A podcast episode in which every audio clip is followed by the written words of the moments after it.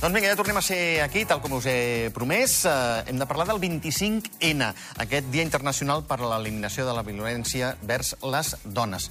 I ho volem fer amb Montserrat eh, Ronchera, secretària de l'ADI. Hola, bona tarda, Montserrat. Hola. Secretària General de l'IAD, de l'Institut... De l'IAD, eh? Sí, és veritat, no, perdó, perdó. Sí. IAD, IAD. L'Institut Andorrà de les Dones. Això, gràcies. Eh, també tenim a la Maria Àngels eh, Tagarro. Eh, atenció, eh? Metge forense Som metgessa legal i forense, sí, avaluo... O sigui, tinc la, la formació per avaluar la, el dany corporal i, en fer, a més a més, fer avaluació a nivell mèdico-legal. Uh -huh. uh, una pregunta per, per totes dues. El, el masclisme eh, està present. Això, això no se li escapa a ningú. Vull pensar que no se li escapa a ningú. Com el podem frenar? Com mm, no, no l'hem de deixar créixer? Com s'aconsegueix això? Doncs, bueno, per part meva, no? en primer lloc, eh, s'ha de detectar el masclisme i després s'ha de començar doncs, a mirar, ara fa una estona estàvem parlant, amb l'educació. És a dir, amb l'educació des, de, des de que s'és petit, a l'escola, doncs, a la, a la primera, no, abans de la primera ensenyança, fins i tot, a lo que és l'escola maternal, i després anar seguint a dins de tot el que és el sistema educatiu. I a banda, doncs, evidentment, es necessita fer una sensibilització molt important a nivell de lo que és la, la població en general, les famílies, i a partir d'aquí, doncs, amb els anys, amb el temps, espero que, que s'anirà superant aquest masclisme estructural que tenim. Uh, Maria Àngels, uh, temps, no?, uh, a tot plegat. Malauradament, eh?, malauradament. És que és important treballar sobretot des de la cuna. Clar, és important educar en què està bé i què no està bé. I educar no només als nens i les nenes, educar a tothom. Tota la família ha d'estar implicada en aprender una manera d'evitar la violència. Qualsevol violència és dolenta. No fa falta que sigui només masclista, no fa falta que sigui de gènere. Qualsevol violència no està bé. I és aquesta la situació en la que ens trobem ara. Encara es detecten coses que dius, com és possible que en el segle XXI, en el moment que estem, encara la gent pensi que això és normal. No és normal, cap tipus de violència és normal. I n'hi ha tipus de violències que no són detectades, perquè la gent no hi pensa que això és violència. Ah, però és que tenim un problema, Maria Àngels, perquè ho pensen homes i dones. Sí, sí, és que és, és aquest el problema. I normalment el problema que tenim és que la gent normalitza això. Bueno, no passa res, no, m'ha cridat, o m'ha dit que sóc una mica dolenta, o m'ha dit que sóc tonta però no passa res, això és normal. No, no és normal. Qualsevol tipus de violència inclou això que et criden, que et llancen un plat, un cop de punt a la taula, no t'han donat a tu. Però això és violència, sigui del sexe que sigui. O sigui, és violència cridar a una persona, és violència agredir a una persona física, mental, psicològica, econòmica, ambientalment, tot això és violència. I és això el que s'ha de treballar. Eh? Sí, n'hi ha molts tipus de violència. Uh, si em permeteu, Montserrat, Maria Àngels, anem al carrer a la recerca de la nostra companya Maria Lucena, que ha parlat amb Mireia Porres. Uh, Maria, bona tarda. Bona tarda, Xavi. Doncs avui un dels temes del programa és aquest 25 de novembre, una greu problemàtica que malauradament segueix vigent eh, pràcticament a diari. Jo he pogut parlar, com deies, amb Mireia Porres, la cap d'àrea de polítiques d'igualtat, sobre les sis activitats que es faran emmarcades en aquest 25 de novembre. La primera és justament aquesta tarda, una xerrada sobre les violències masclistes en l'àmbit digital, un tipus de violència que està creixent cada vegada més.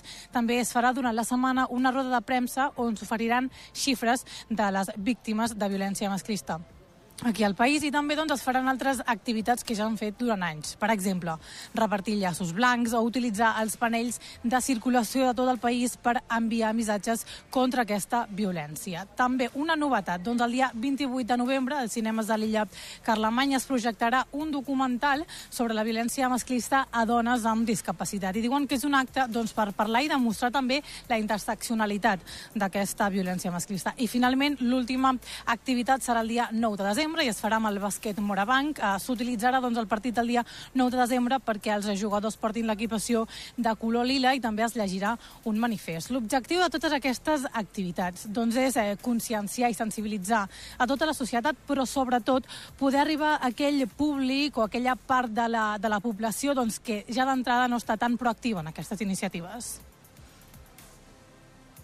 Però jo crec que al final és important mm, intentar arribar a la gent i que tinguin un punt de reflexió, no?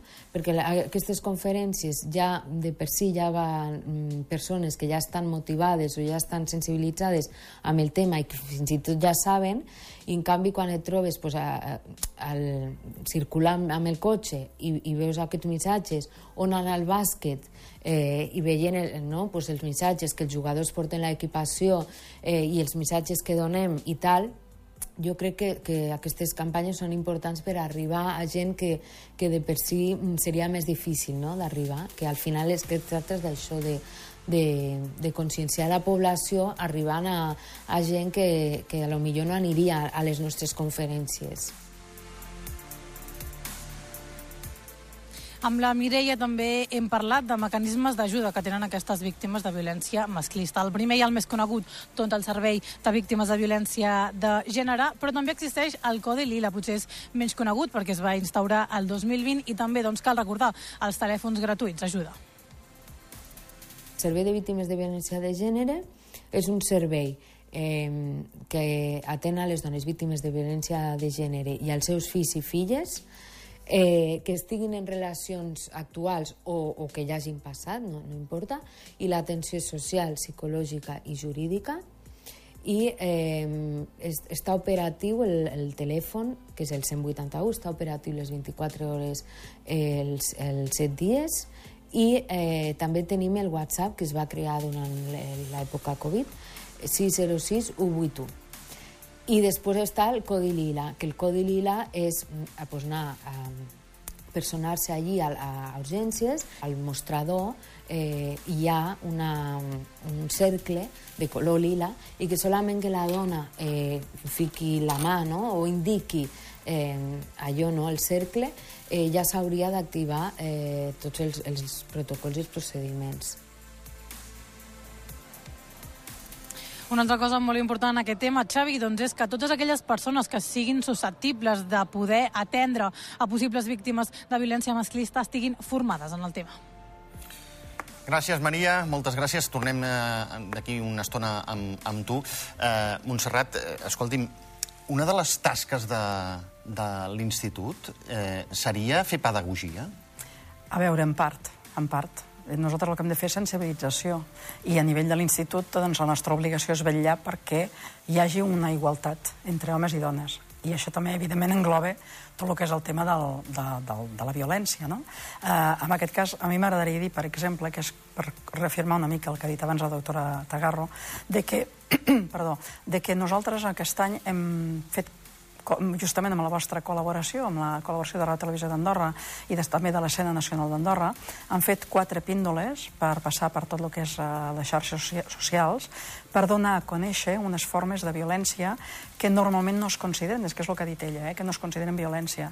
Dues de violència psicològica, una del que seria la violència vicària, que és el que comentaves amb els fills, i un altre tipus de violència, que és la violència de segon ordre. És a dir, que és els comentaris que la gent pot fer sobre una víctima que fan revictimització i que, bueno, que, que realment tot això és, és um, fins s'ha d'explicar. S'ha d'explicar perquè, com molt bé ha dit la, la doctora abans, no sempre es té consciència del que és la violència psicològica. I la violència física, aquella que acaba amb una lesió, o la violència sexual, normalment no, no passa de, de, de cop i volta. Hi ha uns antecedents, i aquests antecedents són el que dèiem, violència psicològica. Són, eh, és una, una forma d'assetjament, unes formes de pressions sobre pues, l'estètica, sobre mm, mil coses. Eh, també pressions sobre els fills, com hem comentat abans. Per tant, eh, penso que és molt important, és a dir, la tasca de sensibilització l'hem de fer entre tots. És a dir, eh, la tasca la fan ja des de, en aquest cas, des de l'àrea de, del servei d'atenció i d'acompanyament doncs, a, les, a les víctimes de violència de gènere, però també nosaltres estem eh, col·laborant amb aquesta part de sensibilització. També les associacions de dones també hi participen. També sempre totes estem intentant treballar en una mateixa direcció. Eh, qui té, qui té, més, qui té més feina, Montse, per, de totes formes, eh, és l'home? Som Com? els homes els que, els que hem de fer més feina? A veure, més feina amb el sentit, és a dir, en aquest cas, és que ho has dit tu abans, és a dir, el masclisme toca tant homes com dones, però majoritàriament homes, també és cert. Però també tenim a veure, diríem que estem, tenim la sort, o la desgràcia, no ho sé, eh, d'estar en una societat benestant aquí a Andorra, i molt sovint no es té consciència de quina és la realitat social de tothom, perquè sempre són temes que es porten molt d'amagat, són temes que són com, quasi bé diria, clandestins, no? Penso que la, la doctora Tagarro també podrà explicar coses en aquest sentit. I, i això, doncs, també, en el fons, molesta en un cert moment que diguis, quan expliques algun tema d'aquests, no, això a Andorra no existeix, això a Andorra no passa. Doncs sí, això Andorra passa, això Andorra existeix, i hem de vetllar perquè això no arribi a més. Ah, doctora Tagarro, això, malauradament, passa. Passen, passen coses, però puc dir-te que lo més trist quan passen coses és que sempre n'hi ha una frase que et deixa com desconcertat i dius, en sèrio encara pensem així? I és el algo haurà fet per arribar a això. De debò que encara estem amb aquesta frase? Sí, encara hi ha gent que ho pensa, i encara hi ha gent que ho diu. Ostres. I clar, això és lo trist. Moltes vegades, quan et trobes en un cas de violència de gènere, sempre hi ha algú que diu què haurà fet per arribar aquí? Què haurà fet per arribar fins a aquest punt? I moltes vegades, les mateixes persones que han sigut maltractades, és que jo he fet coses que jo sé que me port... no, no hauria d'haver fet això, però mm, per això és que m'ha ficat el cop, per això és que han arribat a aquest punt. Moltes vegades nosaltres, mateixes, les dones, pensem, ostres, he fet algo per guanyar-me això. I aquí és el problema que tenim. La conscienciació és molt important i entendre que no només el cop de puny, que no només quan arribes a un cas de violència que acaba en la mort, hi ha hagut violència. Però, escolti'm una cosa, com a, com a metge pèrit legal i, i forense, eh, li, he de, li he de preguntar, eh, eh, l'aplicació de la justícia ha de ser més dura? Perquè vostè bueno, deu veure cada cosa que deu dir... La, el problema de la justícia sempre és el tema de la valoració, realment. Avaluar realment quina afectació té la persona, fins a on ha estat afectada, quant temps porta davant de la violència, és molt difícil de determinar. Pots avaluar en el moment exacte l'agressió física que ha patit, però avaluar realment tota l'agressió que ha pogut patir aquesta persona durant quin temps, perquè el marge de temps és molt difícil de detectar. Per arribar a això es necessitaria fer un estudi que, clar, allargaria molt la intervenció de la justícia. I clar, la persona maltractada no necessita allargar més el maltracte, ni, ni allargar més la, el patir per això. Però aleshores, permeti'm, eh, cal capacitar més els agents de l'ordre? Jo crec que cal capacitar més a tothom. És un tema de conscienciació general. Si tothom està format, si tothom té la idea de realment el que és violència, el que és un maltractament, clar, tothom se sensibilitzarà més. La empatia i la sensibilització davant de casos com aquest manca encara. Hem de tindre més empatia. Quan arriba un cas d'aquest, sempre pensem que arribarà la dona acompanyada per algú, sobretot per la gent que s'encarrega d'aquest. Però hi ha dones que no sàpiguen ni que funciona això, que ho faran de la manera que puguin, arribaran per la porta que, que puguin arribar, perquè a lo millor no puc entrar per la policia, però entraré per una associació, entraré per l'hospital o per el meu metge de capçalera. Clar, és això, és aquí on ha de funcionar tot el sistema realment, perquè aquesta dona arribi al, al punt d'entrar per el camí perquè tingui l'accés a tot l'acompanyament que precisa i que no només es miri que li han ficat un cop, que li han fet una ferida o que ha patit una violació. Ha hagut més que això. Mira, si em permet, eh, ha dit dues paraules que ens ve, eh, venen, com a mínim, eh, molt bé per tornar a connectar amb la companya Maria Lucena, que és empatia i sensibilització. Maria, què t'han dit al carrer? Bones, Xavi. Doncs també he sortit al carrer per preguntar justament això, si creuen que la societat andorrana està lo suficientment conscienciada o si calen, calen més mesures de sensibilització. També t'he de dir, una de les idees més comuns és que el canvi generacional, és a dir, la gent jove, ha fet molt més fàcil el camí de parlar obertament de les diferents formes de violència. Eh, creo que la gente está consciente, pero eh, hay mucho miedo de moment no està massa conscienciada en el que això implica el que això és realment. Día a día te das cuenta de que hay más eh, violencia de, de género. Podem dir que ja és hora no? que ja se'n vulgui, que se'n parli de manera més oberta i que es vegi que realment vull dir, és un problema i que són coses que s'han de denunciar. Eh, y decir, tengo mis derechos como mujer, puedo denunciar, puedo salir, puedo llevar otra vida aparte de la que estoy llevando. Abans, eh, quan jo era jovenet, no servia de res anar a denunciar. Moltes vegades eh, diuen, fes denúncia, comenta-ho. Hay que tener ayuda, porque sola no se puede seguir adelante, porque hay amenazas.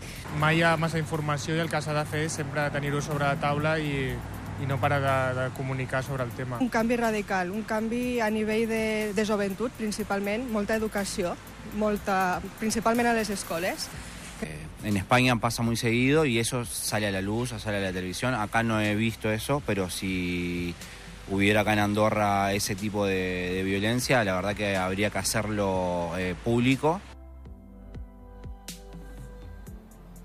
I per acabar, Xavi, m'agradaria dir que una de les altres conclusions eh, que he extret d'aquestes converses és justament el que estava parlant a la taula, treballar més en visibilitzar altres tipus de violències masclistes, que no siguin només les físiques, perquè són molt més difícils de detectar tant per la víctima com pel seu entorn, i això moltes vegades genera inseguretat, sobretot a l'hora de donar una pas endavant i demanar ajuda. Moltes gràcies, Maria. Eh, tornem a la, a la taula. Eh, Montserrat, eh, clar, això de si denuncio no passarà res, eh, no em creuran, això encara ho hem de sentir? Mm, a veure, jo penso, bueno, suposo que sí que hi ha dones que es deuen trobar en aquesta situació, però penso que, el, que és una mica al revés. És a dir, en aquests moments el que es, és a dir, que una persona es troba en una situació de violència psicològica i que pot desembocar en altres després més, més fortes, eh, normalment no sap dir-ho, no sap a qui dir-ho, no sap com encam encaminar-ho. Per això, en tot moment s'està parlant, doncs, de, de, parlant d'acompanyament. I per això, quan abans ha intervingut la, la Mireia Porres, parla del servei d'atenció a les víctimes de violència de gènere, perquè hi ha un acompanyament. Hi ha un acompanyament doncs, eh, psicològic, un acompanyament legal, mm, a veure, hi ha un suport i un recolzament. Però abans de que hi arribin, aquestes dones han de poder tenir la, com diria, la, no, la força, perquè realment és aquesta, i el suport per poder-hi arribar. Mm. Que això també és abans el que ha dit la, la, la doctora Tagarro. Eh, doctora, mm, la violència física és això, es veu. La psicològica és, si em permet l'expressió, brutal, terrorífica. Clar, el problema és aquest, que és que és molt més fàcil decidir-te anar a fer una denúncia quan tens algo que provar, perquè la, la sensació és, això es veu, el cop es veu, la ferida es veu, la resta, com puc provar-ho? Clar, aquí és el problema que tenim, sobretot, perquè no arribes a entendre realment el que ha passat, ni el que ha patit una persona, ni en una hora, ni en un dia, ni en una setmana d'interrogatori. Has de parlar amb la persona, has d'arribar a tindre la empatia suficient per arribar a que la persona pugui obrir-se amb tu i explicar-te tot. Però a partir d'aquí tenim que tenir en compte que la persona t'explicarà el que pensa que és violència, Clar. no el que realment ha patit.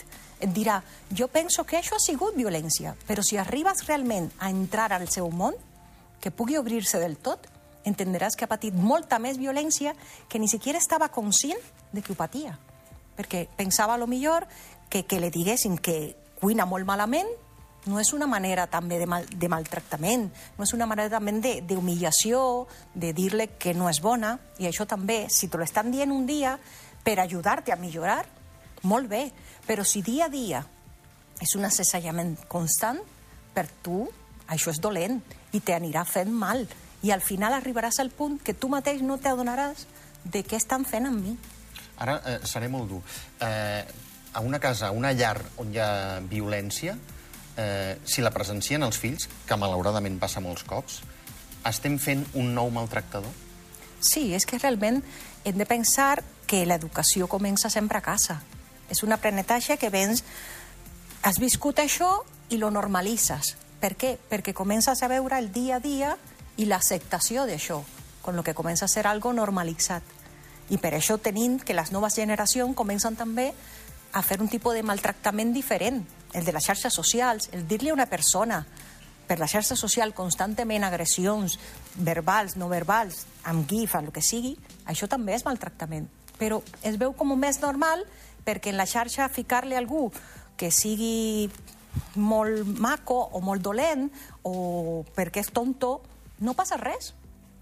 Mm, Si a casa meva jo escolto que diuen moltes vegades mira que és tonto, mira que és tonta, no saps cuinar. pues jo lo repetiré. I, I ho normalitzo. i lo normalitzo, perquè normalment nosaltres, i és el que passa moltes vegades amb les persones maltractades que han patit violència de gènere, que comença a normalitzar el maltractament. No me deia malament, me deia perquè estava mal, jo lo estava fent mal, val? però no fa falta dir-lo d'aquesta manera. Fa falta ajudar a la persona si realment penses que està fent algo mal a que pugui millorar. No, no em deixava sense diners per res. Clar, és que com jo no treballo, pues, quan no puc treballar, pues no em donen diners. I jo no tinc diners i per això he d'aguantar i he de ser bona perquè em donguin diners a casa. Clar, és això realment un tipus de violència. La violència econòmica normalment no es veu. Bueno, tu no treballes, aquí el que treballa soc jo. El que porto diners a casa soc jo. Tu has d'entendre qui això. el qui mana i el qui té el poder sóc jo. I aquest poder Moltes es confon... vegades no és el que mana, però sí que depens de mi, i com depenes de mi, has d'aguantar. Montserrat, eh, com a secretària general de, de l'Institut Andorrà de les Dones, eh, què els hi podem dir a aquelles dones que ens estan veient i escoltant?